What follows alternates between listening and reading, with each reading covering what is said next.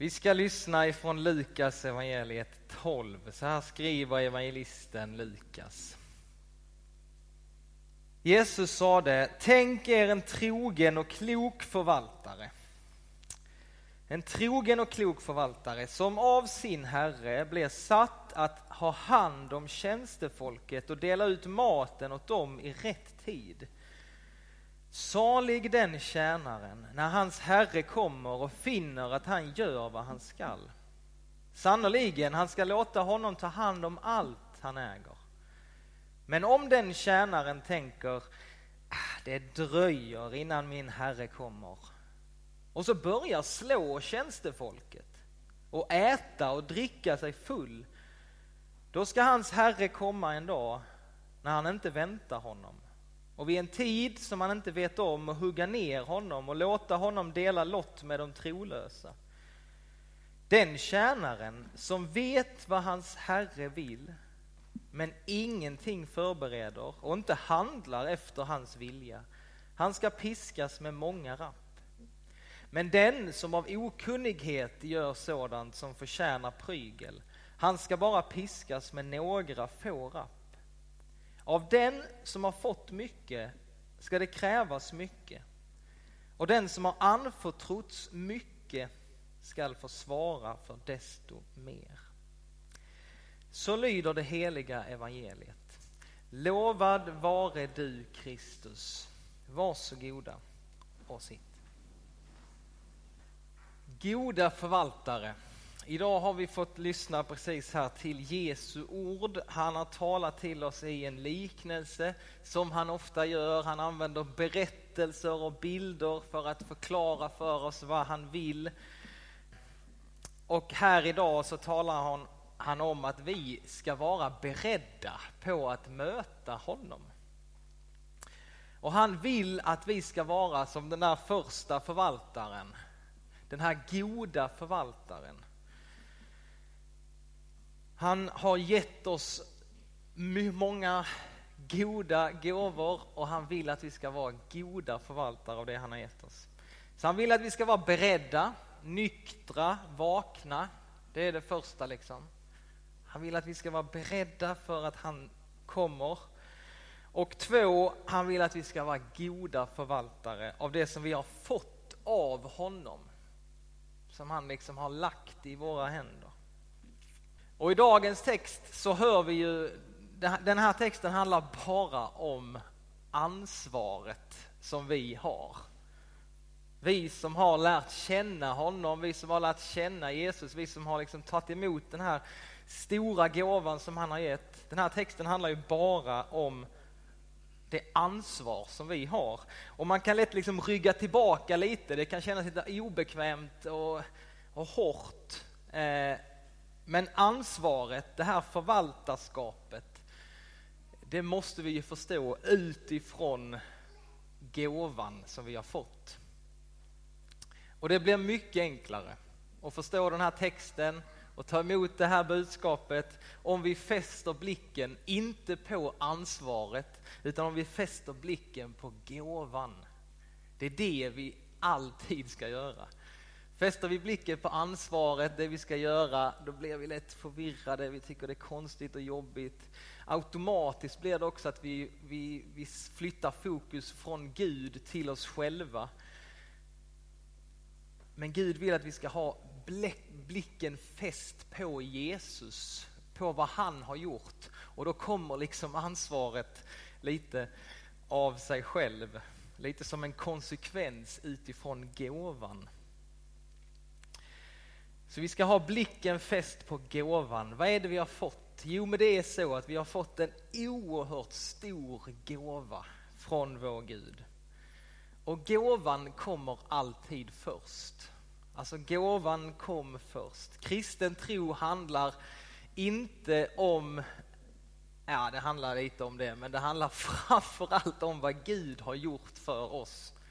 Det är vad kristen tro handlar om så mycket mer om vad Gud har gjort för oss än vad vi ska göra för honom.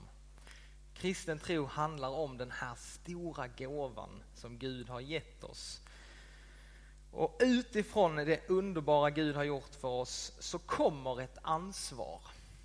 Och det är det vi ska tala om idag.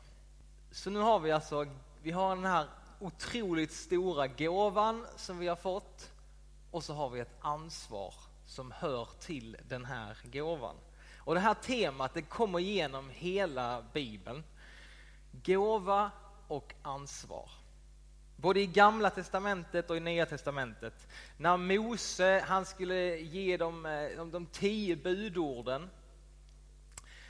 Ni har säkert sett de tio budorden och eh, men alltid när vi listar de tio budorden så missar vi det viktigaste i de tio budorden. Det viktigaste är nästan vad som står i början. Det är inte bara en lista med bud, utan det börjar så här. Detta är vad Gud sade. Jag är Herren din Gud som förde dig ut ur Egypten, ut ur slavlägret. Alltså det är så budorden börjar. Jag är Herren din Gud. Det var jag som räddade dig från Egypten. Det var jag som med mäktiga under räddade dig. Du som var slav i Egypten. Jag räddade dig. Jag befriade dig.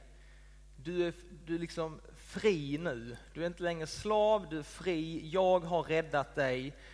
Och därför så vill jag att du ska göra detta. Gåvan kommer först och sen kommer ansvaret.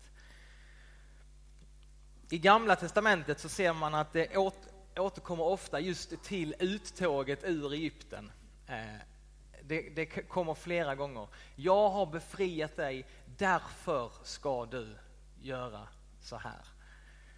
Och uttåget, det, i Nya Testamentet så använder vi inte så mycket uttåget ur Egypten utan då är det på grund av det Jesus har gjort på korset, han har dött, han har uppstått. Vi har blivit av nåd hans barn. Därför ska vi, har vi ett ansvar. Så vad uttåget är i Gamla Testamentet, det kan man säga det är uppståndelsen i Nya Testamentet. Gåva först och sen kommer ett ansvar. Paulus han argumenterar på samma sätt när han skriver till sina församlingar i Nya Testamentet. Han börjar alltid med vad Gud har gjort för oss och utifrån det kommer ett ansvar. I Efesierbrevet 4.20 ska vi läsa. Då skriver Paulus så här. Ni har lärt känna Kristus. Och på andra ställen i, i sina brev så säger han, ni är, ni är heliga. Ni är fläckfria på grund av det Gud har gjort. Ni är nu Guds barn, ni är arvingar, ni är friköpta från synden, ni har fått evigt liv. Ni är så dyrbara i Guds ögon, han som dog för er. Ingenting kan nu skilja er från hans kärlek, för ni tillhör honom. Och sen så kommer då fortsättningen, därför, på grund av det som ni har fått, det som ni har blivit, därför ska ni sluta leva som förut. Ni ska lägga av er den gamla människan som går under bedragen av sina begär Se till så att ni förnyas i ande och förstånd och att ni klär er i den nya människan som har skapats efter Guds bild med den rättfärdighet och den helighet som hör sanningen till. Lägg därför bort lögnen och tala sanning, var och en till sin nästa. Vi är ju varandras lemmar. Grips ni av vrede så synda inte. Låt inte solen gå ner över er vrede. Ge inte djävulen något tillfälle. Den som stjäl ska sluta stjäla och istället arbeta och sträva med egna händer så att han kan dela med sig av sitt goda åt dem som behöver. Så denna söndag så behöver vi påminna oss om att det genom hela Bibeln är tydligt att med Guds stora gåva så kommer ett ansvar. Och vi ska också göra det klart och tydligt att du kan inte göra någonting för att få den här gåvan. Den är helt gratis av nåd. Du kan inte förtjäna den här gåvan på något sätt. Alltså det är helt omöjligt, den är för stor. Guds gåva till dig är för stor för att du någonsin ska kunna förtjäna den. Du kan inte förtjäna Guds nåd, Guds gåva. Släpp det. Du kan inte förtjäna den. Men lyssna på det här. Du är satt att förvalta den. Det är en jättestor skillnad.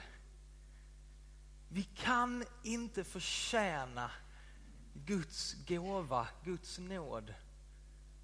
Men du och jag, vi är satta att förvalta den. Det är en jättestor skillnad som vi måste ha koll på. Vi kan inte förtjäna den, men Gud förväntar sig att vi förvaltar det vi har fått. Alltså en sån här stor gåva som vi har fått, den måste få konsekvenser i våra liv.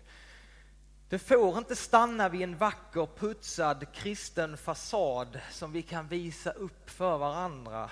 Det får inte stanna vid tomma ord som aposteln Johannes skriver. Och Jakob skriver i sitt brev, liksom en kropp utan livsande är död, så är tron utan gärningar död. Alltså en tro som inte får konsekvenser i våra liv, det är en död tro. Och det är så lätt att bara ta till sig snabbt trösten i evangeliet.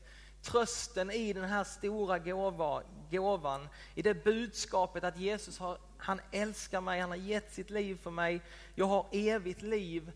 Och bara liksom ta emot det utan att se på ansvaret som Jesus gång på gång kommer till. Och som hela bibeln är full av, Nya Testamentet. Det talas om att vi ska förändras av Guds nåd. Vi ska förnyas. Vi ska vandra i Jesu fotspår, och bli lika honom. Vi ska fyllas av en ny kärlek, en ny omsorg för varandra. Vi ska inte leva för oss själva utan vi ska leva för varandra. Det är så lätt att vi bara glömmer bort den delen. Och Martin Luther, han kallade också det för en död tro. Om om inte liksom det gåvan får praktiska konsekvenser ut i mitt liv.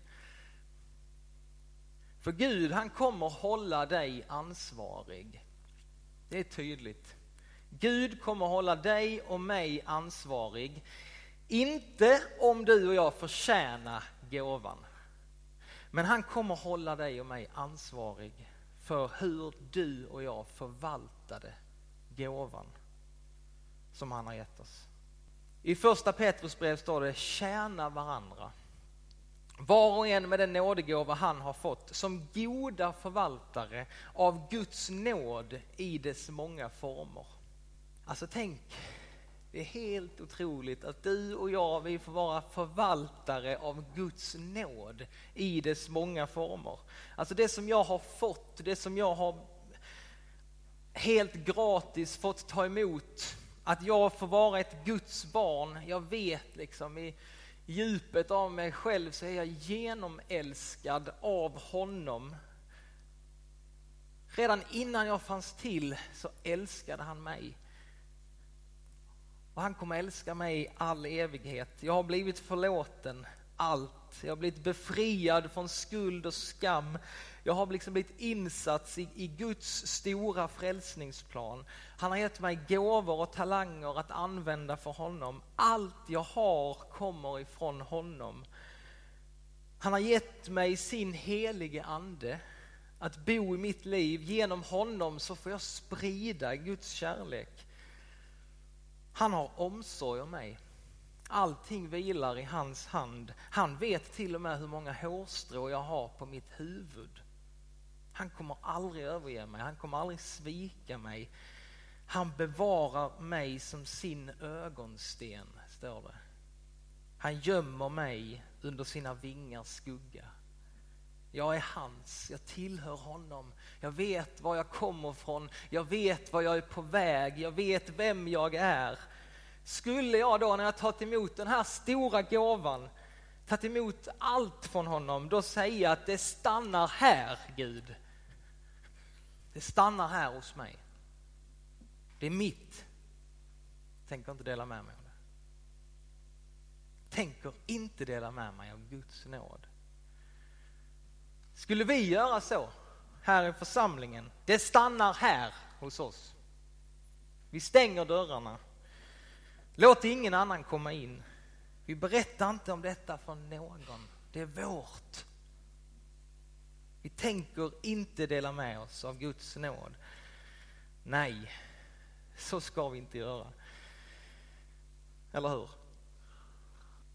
Guds stora frälsningsplan är att han vill använda oss som kanaler för sin nåd och sin kärlek. Det får inte stanna här. Gode Gud, låt det inte stanna här hos mig. Det får inte stanna här hos oss. Gode Gud, låt det inte stanna bara här hos oss. Utan Gud, han, hur konstigt det än är så tror han på oss. Han tror att du och jag, att vi kan vara goda förvaltare av hans nåd. Alltså Gud, han har bara lagt sig själv i våra händer. Han har bara sagt, jag lägger min kärlek i era händer. Jag lägger min kärlek i era händer och så vill jag att ni ska ge det vidare. Jag tror att ni kan vara goda förvaltare av Guds nåd. Jesus säger att ni ska ge som gåva det som ni har fått som gåva.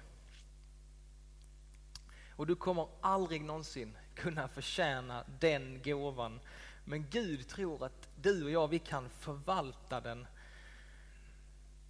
Och detta måste vi på något sätt bäva inför. Att han tror att vi kan förvalta hans nåd. Hur förvaltar vi Guds nåd i våra liv, i vår församling? Vi ska stå upp tillsammans och så ska vi få be trosbekännelsen och sen ska vi bara få fortsätta be över detta. Be för oss själva och för vår församling.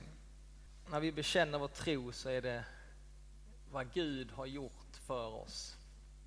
Låt oss be och bekänna. Vi tror på Gud Fader allsmäktig, himmelens och jordens skapare.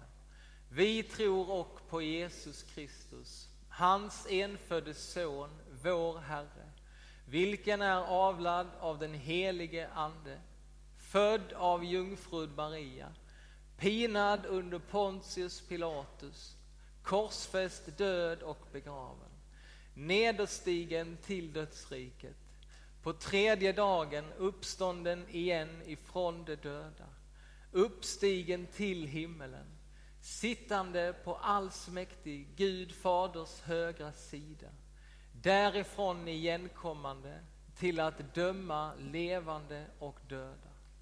Vi tror och på den helige Ande, en helig allmännelig kyrka, det heliga samfund, syndernas förlåtelse, det dödas uppståndelse och ett evigt liv.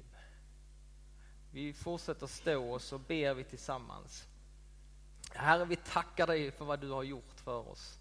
Fader, Son och helig Ande, vi tackar dig för din oerhört stora gåva till oss. Herre, fäst våra ögon på nytt. Fyll oss med tacksamhet över vem du är och vad du har gjort för oss, Herre.